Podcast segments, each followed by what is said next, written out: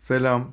Bedava Fikir'de bu bölüm itibariyle bir yılı tamamlamış olduk. Burada alkışlar benden çok sana geliyor tabii ki. Bedava Fikri Türkiye'nin en çok dinlenen podcastlerinden biri yaptığın için öncelikle sana çok teşekkür ederim. Şimdi gelelim asıl konuya. Bedava Fikrin önceki bölümlerini dinlediysen artık fikirleri filtrenden nasıl geçirmen gerektiğini az çok biliyorsun demektir. Daha doğrusu benim penceremden biraz bakmaya başlayabilmişsin demektir. Peki bu sana ne katacak? Yani gündelik hayatını değiştirmeni ve gelişmeni sağlayabilecek çok fazla öneri vardı bölümlerde. Evet ama bu bölüme kadar hiç somut bir girişim veya bir iş fikri vermemiştim.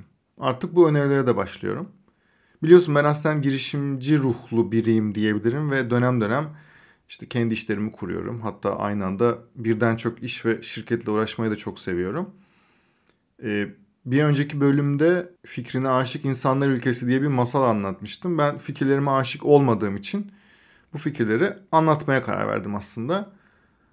E, ama tahmin edersin ki bu işte bir sürü şirkette uğraşmak vesaire çok yorucu bir süreç ve çoğu zaman en çok sevdiğim şeylerden biri olan bedava fikre buraya bile yeterince zaman ayıramadığımı düşünüyorum. Yani daha doğrusu daha fazla zaman ayırabilirdim veya ayırabilirim diye düşünüyorum ama Neyse çok uzattım. Bu sayıda benim önemli gördüğüm ama arkasından gitmeyi kişisel olarak çok düşünmediğim veya daha doğrusu zaman bulamadığım diyeyim. Bazı girişim ve iş fikirlerini paylaşacağım seninle.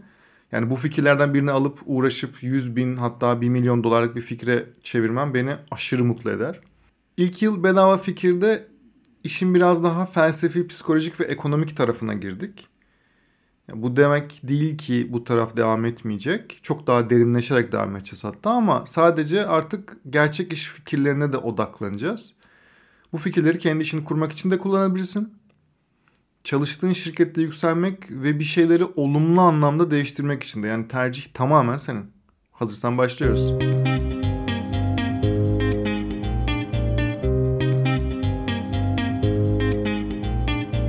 Merhaba, ben Hakan Şık. Fikrin ne kadar önemli ve aslında ne kadar da önemsiz olduğunu konuşacağımız podcast serisi Bedava Fikre hoş geldin.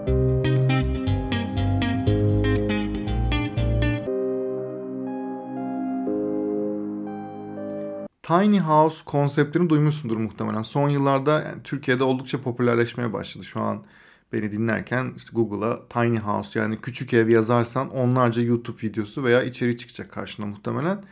Nedir bu konsept dersek normale göre çok küçük yaşam alanlarına sahip olan işte kulübe, ev, prefabrik yapılardan bahsediyoruz. İşte Ikea'ya gittiysen biliyorsundur muhtemelen küçük alanları nasıl daha etkili kullanabiliriz. Bununla ilgili bazı yönlendirmeler de yapıyor buna benzer şirketler. E, Tiny House'un çıkış noktası tahmin edebileceğin gibi ekonomik nedenler. Özellikle Japonya'nın başını çektiği hatta Tokyo'nun diyebiliriz bu arada. Şehirlerde büyük evlerin kiraları astronomik düzeylerde. Buna işte New York'ta dahil işte Singapur vesaire gibi şehir ve ülkeleri de ekleyebiliriz bir sürü. Örneğin Japonya'da kapsül otel diye bir şey mevcut yani öyle bir şey var. Adından da anlaşılabileceği gibi aslında anlayabileceğin gibi sadece yatmak için kullanılabilecek gerçekten çok küçük böyle bir kapsül boyutunda oteller ve tabii ki daha uygun fiyatta. Yine Google'a e, yazıp bakabilirsin. Türkiye'deki ekonomik şartları düşündüğümüz zaman bu konsept çok çok hızlı hayatımıza entegre olacak. Yani dolayısıyla tiny yani küçük ekonomi, küçükler ekonomisi diye adlandırdığım bu alanda oluşacak, oluşturulacak iş modelleri kesinlikle çok büyük bir potansiyel barındırıyor. Peki bu tiny sadece evler için mi geçerli? Tabii ki hayır. Ulaşım için de geçerli. Yani scooterların hayatımıza son yıllarda nasıl entegre olduğunu fark ettim özellikle büyük şehirlerde. İstanbul'da mesela işte Martı gibi şirketlerin işte scooter kiralama hizmetleri büyük yükselişte. Bunun için zaten bunu anlamak için zaten herhangi bir bilgiye de gerek yok. Ve artık tiny arabalar ülkemize giriş yaptı. Yine ben yani yine bu bölümü dinlerken aslında Google'da şu arabayı, şu marka ve modeli aratmanı istiyorum. Citroen Ami. Bu araba modeli çok çok küçük ve elektrikli bir model. İşte en fazla mesela işte 45 kilometre hız yapabiliyor ve menzili 75 kilometre ve şöyle bir özelliği var. 16 yaşından büyükler kullanabiliyor. Bir ehliyete direkt gerek yok bildiğim kadarıyla. Çünkü elektrikli bisiklet gibi bir kategoride geçiyor sanırım. Tabii tek bir dezavantajı var. Bireysel olarak satışı şu an yok. Yani Martı gibi özel şirketler veya belediyeler alıp bize kiralayabiliyor. Ama buna benzer araçlar önümüzdeki günlerde ekonomik nedenlerle ve tabii ki trafik sorunu yüzünden mutlaka daha fazla göreceğiz.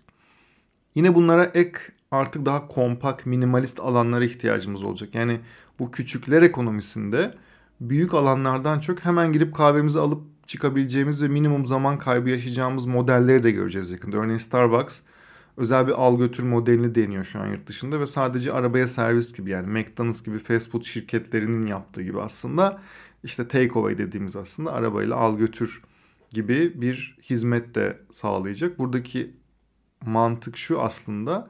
Yani Starbucks normalde işte iş ve ev arasında işte bize en farklı ortam, en iyi deneyimi bizim orada daha fazla zaman geçirmemizi, kendimizi işte evimizde gibi aslında veya işte ofisimizde gibi hissetmemizi sağlayan özel bir durum sağlayacakken bunu e, aslında bir risk alıp e, kendi iş modelinde bir e, takeaway'e döndürüyor. Ya nasıl kafanda bir şeyler canlanmaya başladı mı? Senden ricam önümüzdeki birkaç gün etrafındaki her şeyi bu gözle incele. Ya mutlaka aklına benim küçükler ekonomisi diye adlandırdığım bu alanda iş fikirleri ve ve veya ihtiyaçlar muhtemelen gelecektir.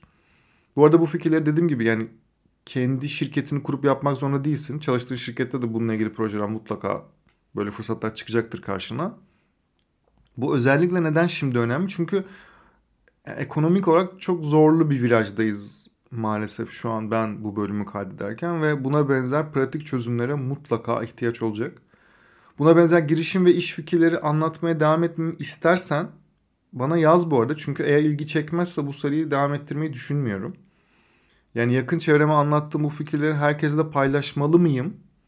Bence kararı sen ver.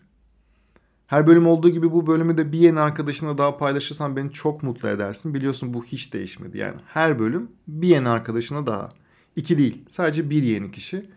Buraya kadar benimle kalıp bölümü dinlediğin için çok teşekkür ederim. Bir sonraki bölümde görüşmek üzere.